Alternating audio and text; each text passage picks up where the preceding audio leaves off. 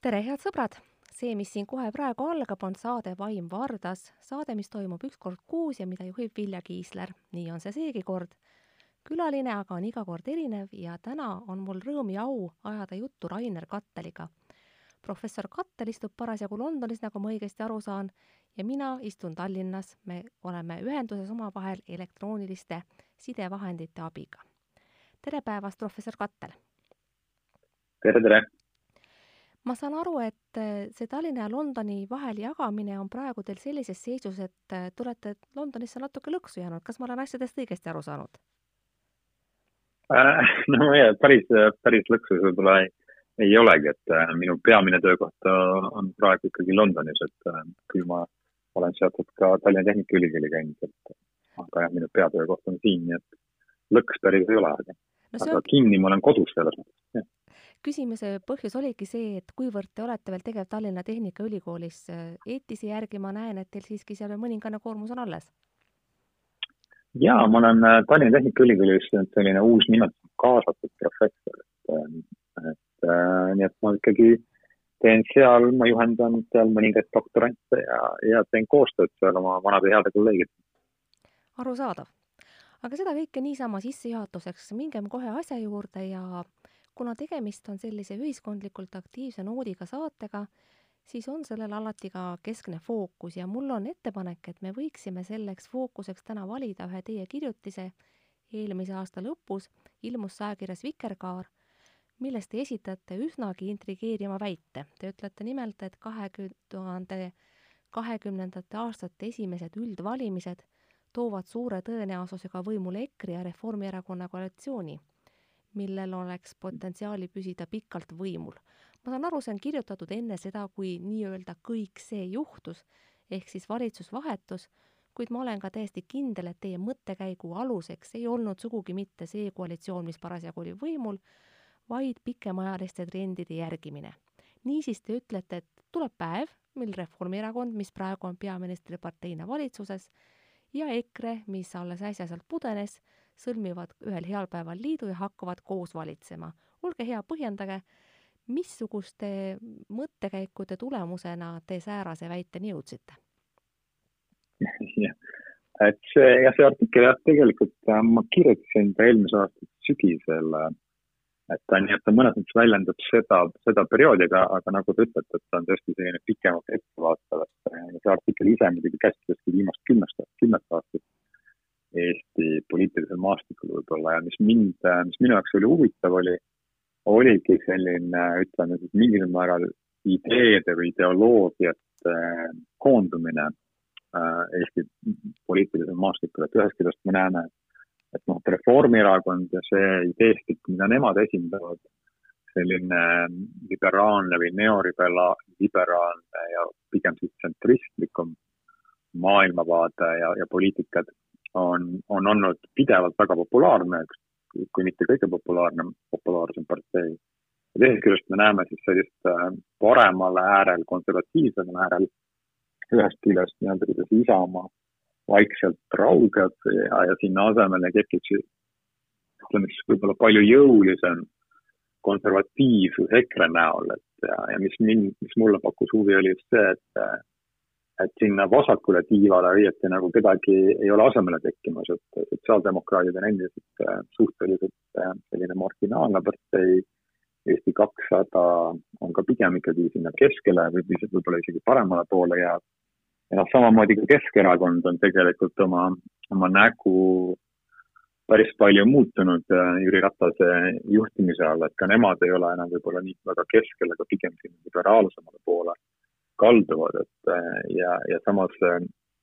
kui me vaatame ettepoole, siis võib ikkagi kahelda, kui suureks parteiks nad ikkagi jäävad nii oma skandaalide tõttu, aga ka, ka, ka ilmselt ka selle tõttu, mis, mis maailmavaadet nad esindavad, et äh, tänane nii-öelda Reformi ja Keskerakonna koalitsioon on tegelikult väga loogiline. aga, aga et kui see nii loogiline on, et mis, mis ruum sellele Keskerakonnale üldse jääb, et ähm, et see oligi minu, minu peamine nii-öelda mõttekäigu alus, et, et on, on sellised kaks suurt poliitilist jõudu, millel on ka ühiskonnas väga suur kõlapind, ma arvan, nii Reformierakonnal kui EKRE-l ja, ja võib-olla väga erinevatel põhjustel, aga aga et see, see tooks nii-öelda võimule sellise koalitsiooni, kus, kus siis oleks esindatud väga paljude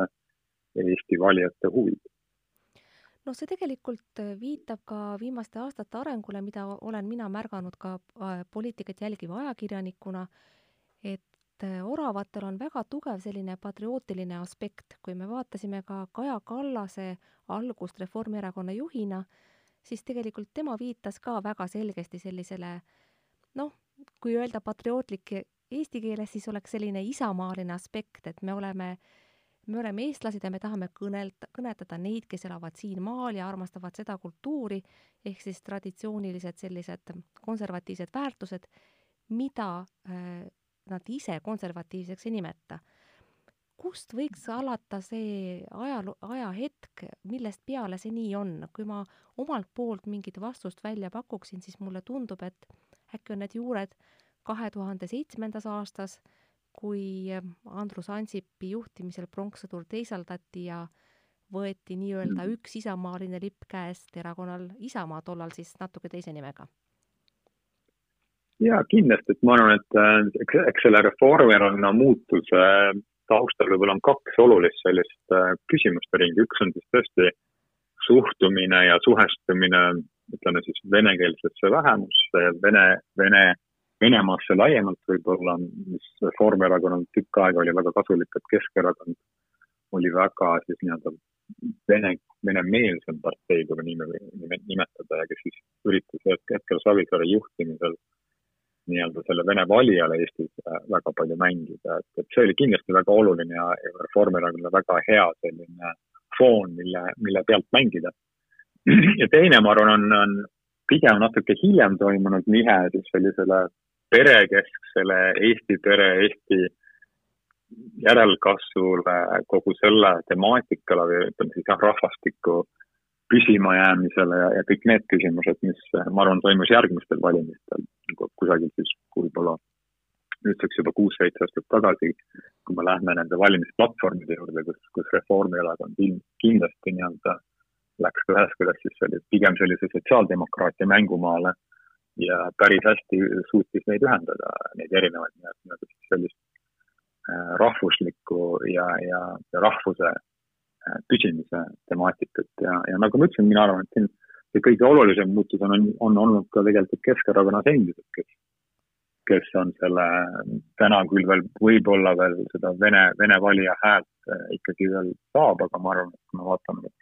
järgmise kümnendi peale ette, siis, siis ma arvan, et ka, ka see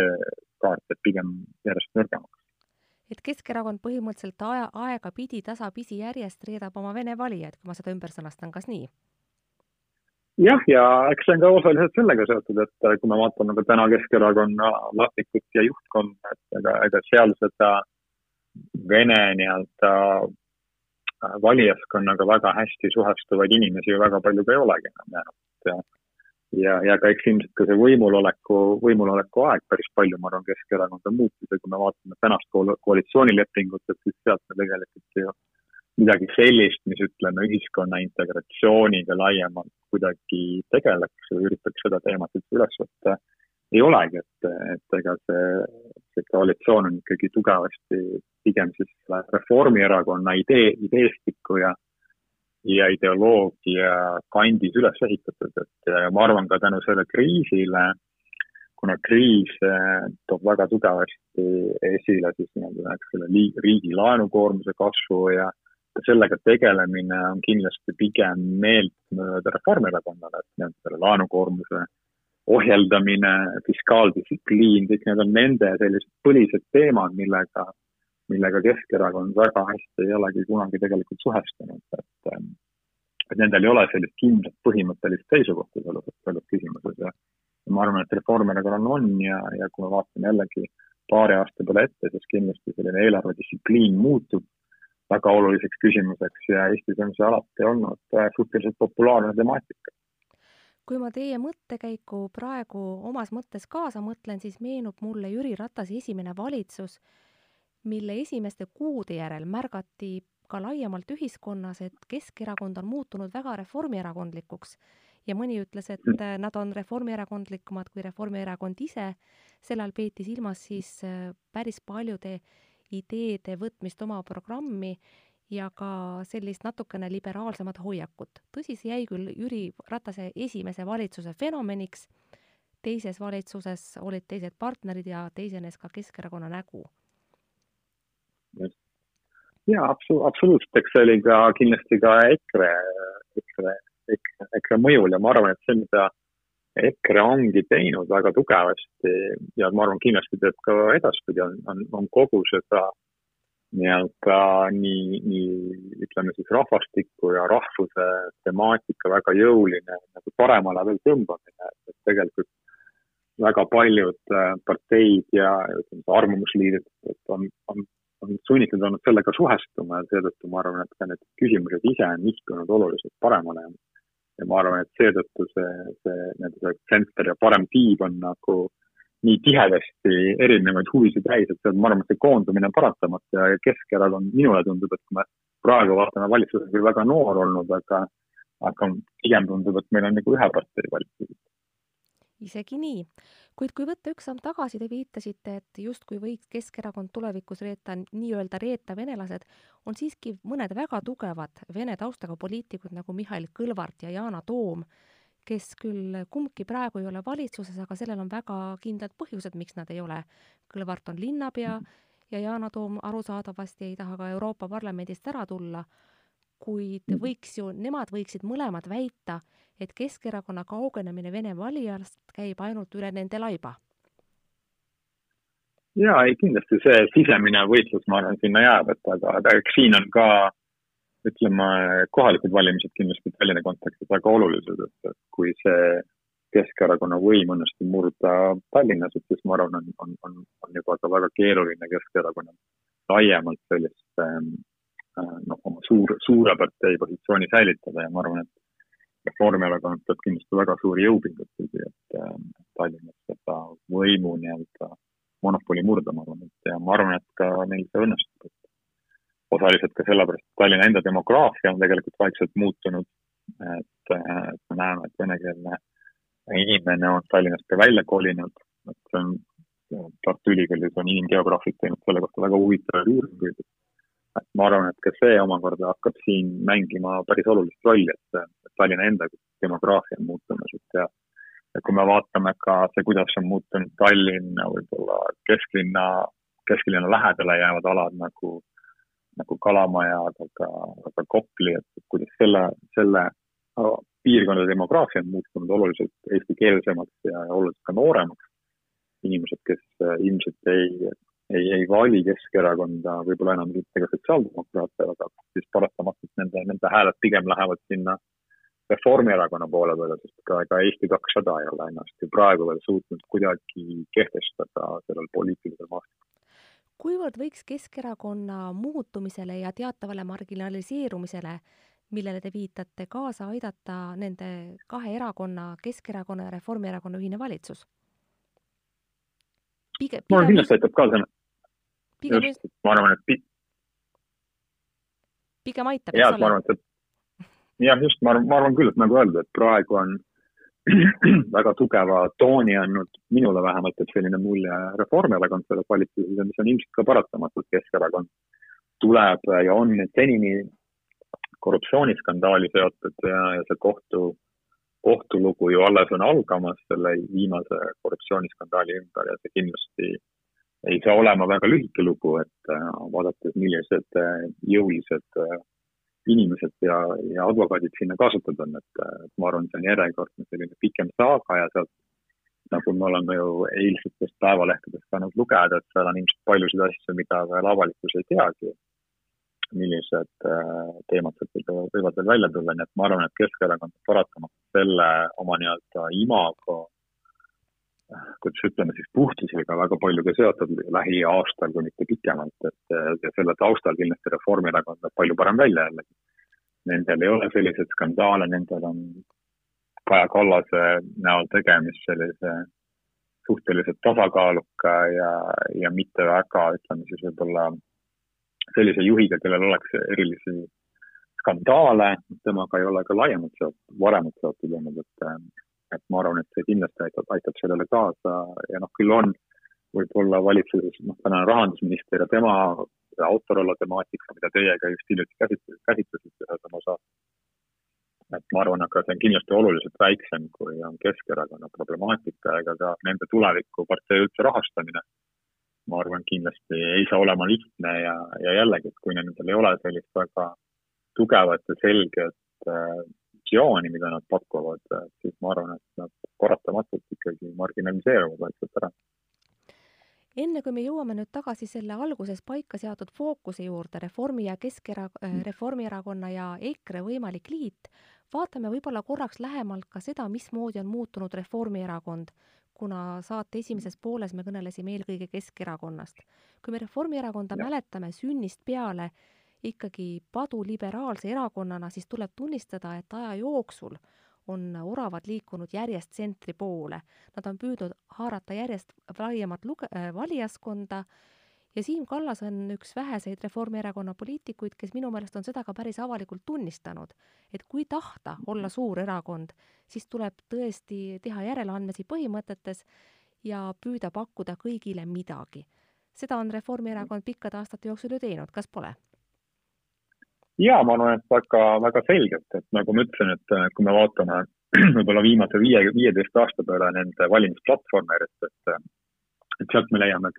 väga tugevasti sellise sotsiaalpoliitika esilekerkimist, et noh, nad ei nimeta seda võib-olla sotsiaalpoliitikaks, aga see on pigem selline perepoliitika ja rahvastikupoliitika ja, ja iibepoliitika ja, ja nii edasi. et ma arvan, et, äh, et see on väga huvitav äh, areng, et ja ilmselt ka selline päris teadlik areng, et nad üritavad seda nii-öelda ka sotsiaaldemokraatidest äh, võib-olla ka nende, nende kergelt pettunud valijate enda poole võita ja kindlasti nad pakuvad järjest enam sellist turvalisemat valikut paljudele inimestele, kes, kes ka vaatavad äh, sellise pilguga sellele valimismaastikule, et kui seal on tõesti väga jõuliselt EKRE, on, on seal endiselt alles ja ma arvan, kindlasti ka pikemalt alles, et siis Reformierakond tundub pakkuvat sellist turvalist valikut, et hoida Eesti mingisugust sellist väljakujunenud imidžit rahvusvaheliselt, mis on väga paljudele sellise nooremale valijale kindlasti oluline. ja ka pakkuma, pakkumaks võib-olla sellist suhteliselt turvaliselt keskteed edasiliikumiseks kuid Reformierakonnal on ka vanad liberaalse vaatega valijad, kes arvatavasti on juba pikemat aega pettunud selles, et oravkond on oma liberaalsetest juurtest eemaldunud nii kaugele kuivõrd võiks nende edasiseks valikuks olla näiteks Eesti kakssada, kes tegelikult ka ei ole klassikalises mõttes liberaalne erakond, nende liberaalsed in mm. instinktid võib-olla on lihtsalt pisut värskemad ja rohkem esil või kuidas? jaa, aga minule Eesti kakssada on alati jätnud sellise noh, võib-olla ütleme siis nii-öelda ebakindla mulje, et et ta on natuke nagu selline tehnokraatlik, kui me vaatame ka sinna selle kes, kes, kes need inimesed on, kes seal tooni annavad, et nad ühest küljest siis akadeemiast või, või, või laiemalt sellisest arvamusliiderkonnast pärit, et äh, mulle ei tundu, et nendel on sellist, ütleme, see Rahvapartei jaoks vajalikku karismaatilisust selles nii nende idee, ideedes kui ka, kui ka nendes inimestes, kes seal on. Ja see, ma arvan, et, et see paratamatult selline noh, nii-öelda väikepartei staatus tegelikult, ma arvan, valijad, valijad, valijaid ka samamoodi ei huvita, et meil on üks järjekordne väikepartei, et et, et selles mõttes ma arvan, et see ei, ei, ei ole nagu päris väga jätkusuutlik. et selles mõttes, et äh, ma, ma jah, et ma ei, ma väga ei usu nagu selle äh, partei nagu nii-öelda võidukäiku kui juba läks jutt väikeste ja suurte peale, ma remargi korras tunneksin huvi sellise küsimuse vastu viimasel ajal ei ole sellest palju räägitud, kuid nüüd, kus kaks suurt erakonda on omavahel moodustanud valitsuse, on selle üle põhjust jälle mõelda, kuivõrd võiks Eesti olla teel kahe parteisüsteemi poole. Reformierakond ja Keskerakond on ikkagi teistest väga palju tugevamad, väga palju suurema elektoraadiga. me ei näe ju tegelikult võimalust, et mõni väikestest võiks kasvada kolmandana suur, nii suureks, okei okay,, EKRE on suurendanud oma valijaskonda, aga ikkagi nendel on ka lagi ees, nad ei ole elektoraadi poolest siiski veel Keskerakonna ja Reformierakonnaga võrreldavad? jah, seda küll, et äh, kuigi ma arvan, et, äh, et EKRE, EKRE tugevus on kindlasti see, et nad kõnetavad nagu väga spetsiifilisi probleeme ühiskonnas. ja, ja need ei ole probleemid, noh, mis on siis ühest küljest seotud sellise võib-olla ka ebavõrdsusega, võib-olla ka sellise rahvusliku teatava uhkusega ja, ja nii edasi, mis, mis ma arvan, et ei kao ära, et nendel on pigem potentsiaali seda oma valijaskonda kasvatada Äh, kui kaotada, et aga, aga üldiselt muidugi ka Eesti valimissüsteem toetab siis ikkagi päris mitmeparteilist süsteemi, mitte sellist äh, nii-öelda kahe partei või, või kolme partei võidukäiku, et ma arvan, et päris reaalne, et me, reaalne on see, et me pigem näeme sellist, ütleme, kolme või nelja partei parlamenti ka edaspidi. mis on tegelikult ju hea. Jah, kindlasti ja loomulikult, et ma arvan, et meie süsteemile on see iseenesest hea, aga, aga noh, teisest küljest muidugi ma arvan, et ega problemaatiline on pigem see, et ega ükski nendest parteidest ei ole sellised, kuidas me ütleme, ühiskondlikud liikumised, et nad on pigem ikkagi nii-öelda nagu kontorikesksed. et kontor, keskkontor on see, mis väga palju otsustab, seal on alati peaaegu kõikides parteides see otsustusbaas ei ole väga lai. See ei toimu nii-öelda läbi kohapealsete diskussioonide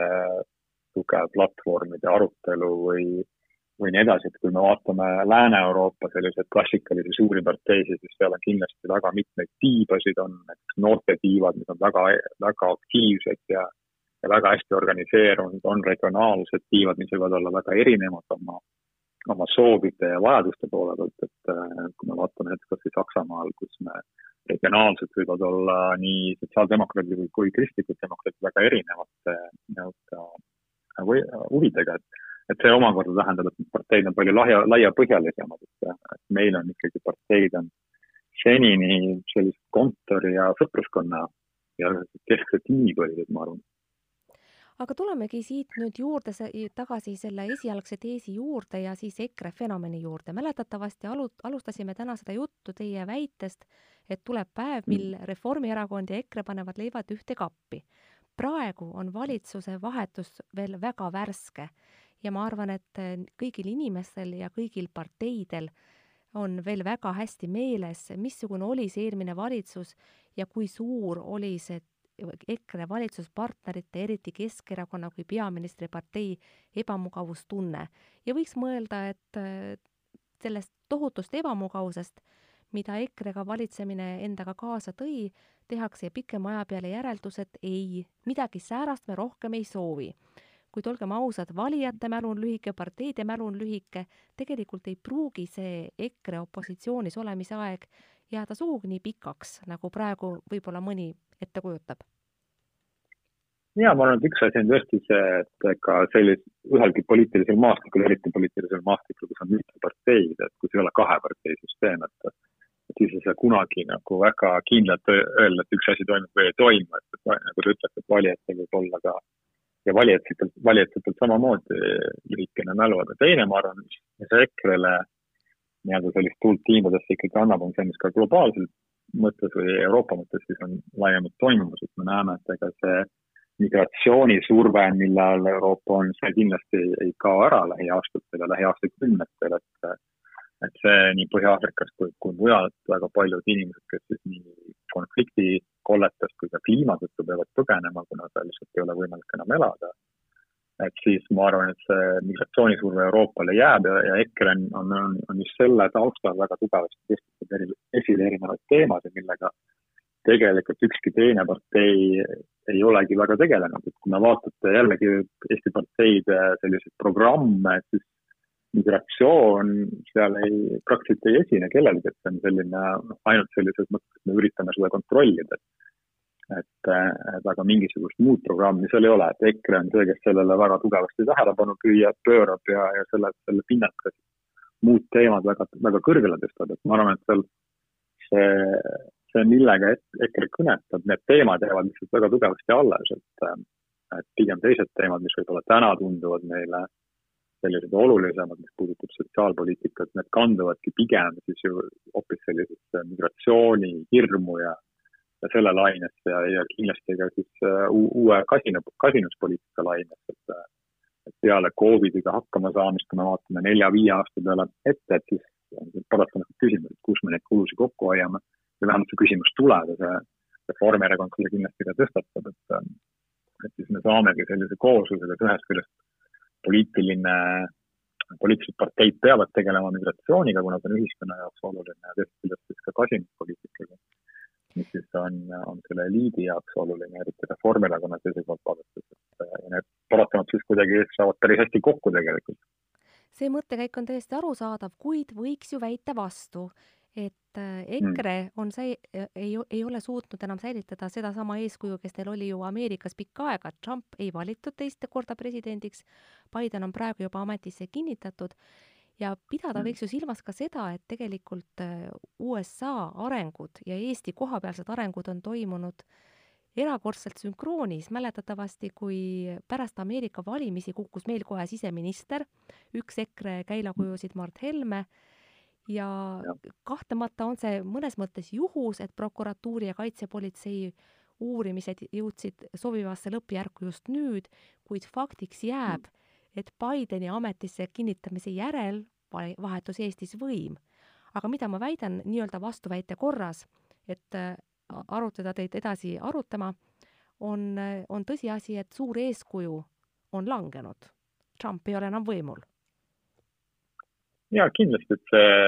see oli selline väga märgiline eeskuju, ütleme nii, aga ma arvan, et,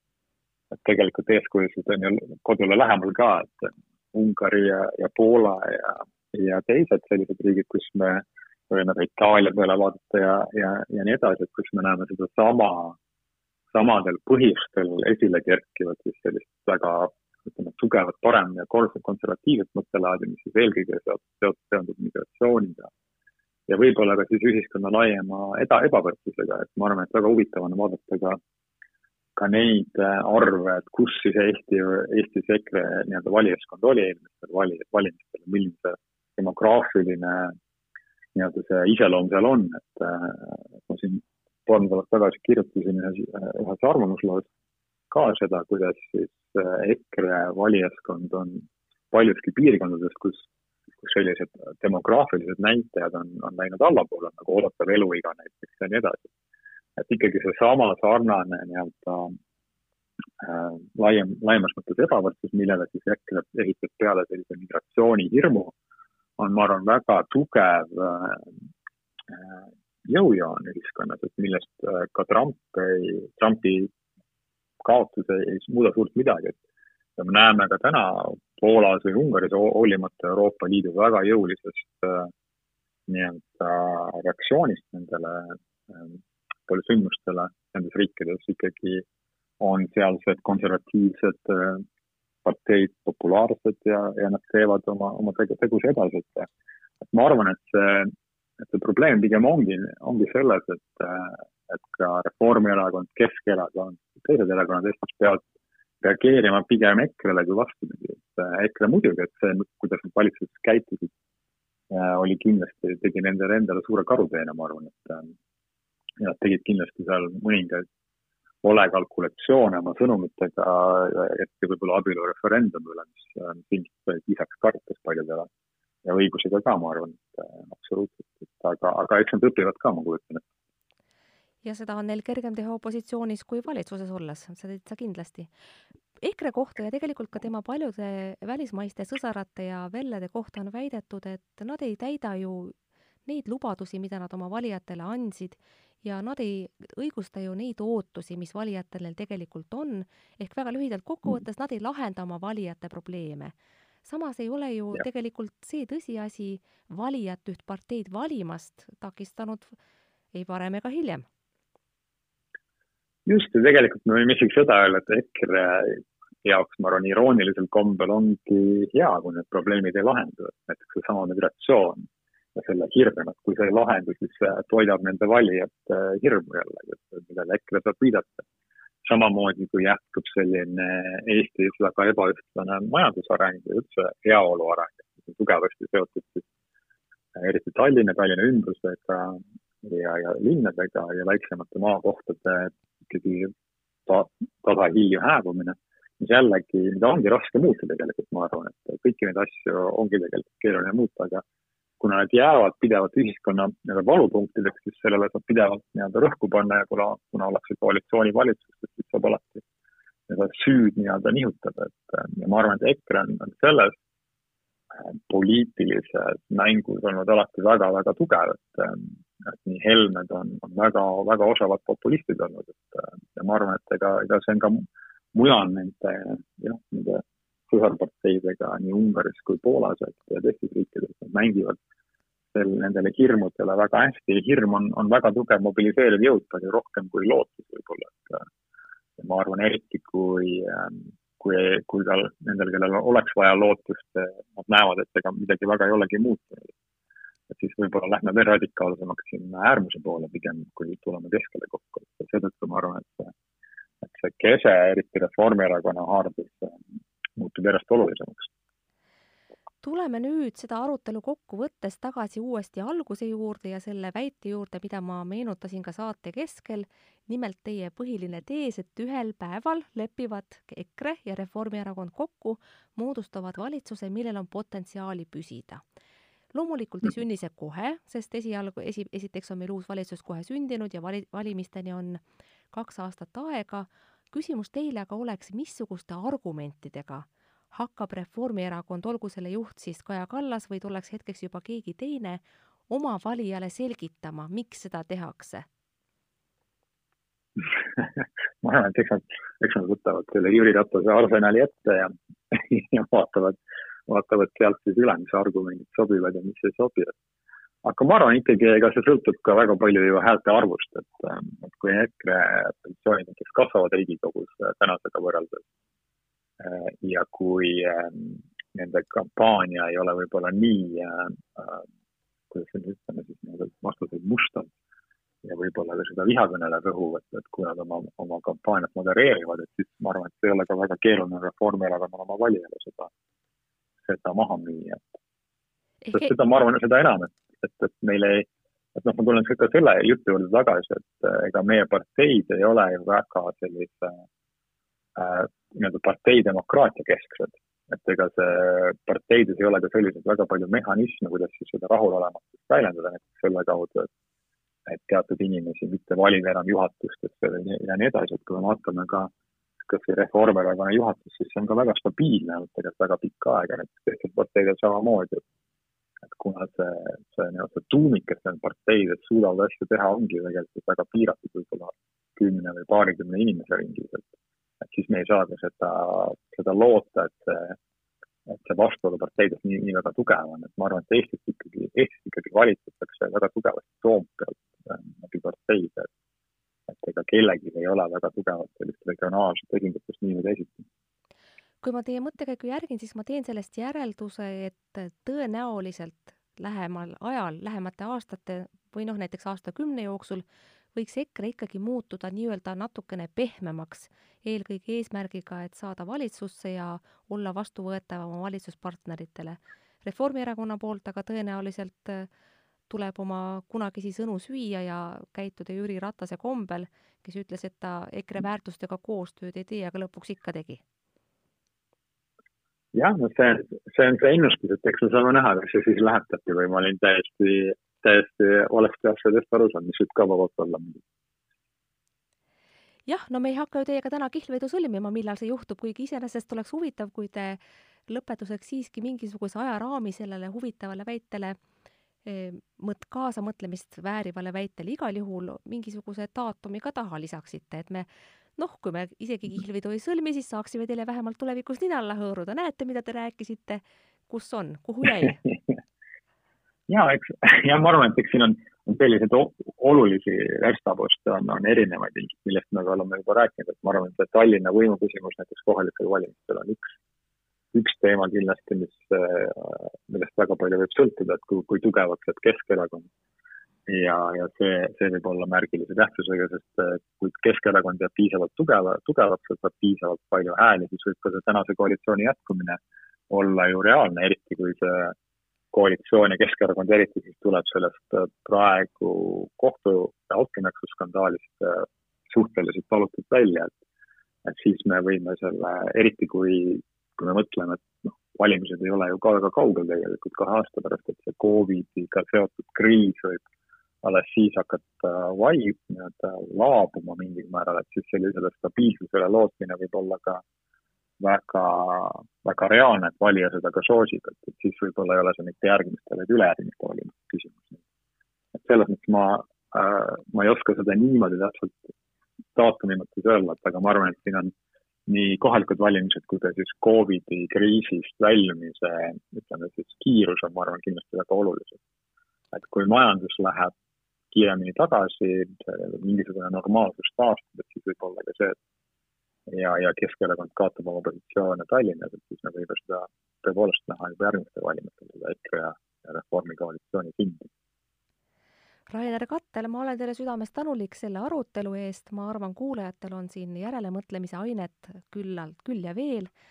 Saade oli Vaim Vardas, saatejuht oli Vilja Kiisler, aitäh, et te kuulasite, järgmine saade on eetris kuu aja pärast. Kuulmiseni, nägemiseni!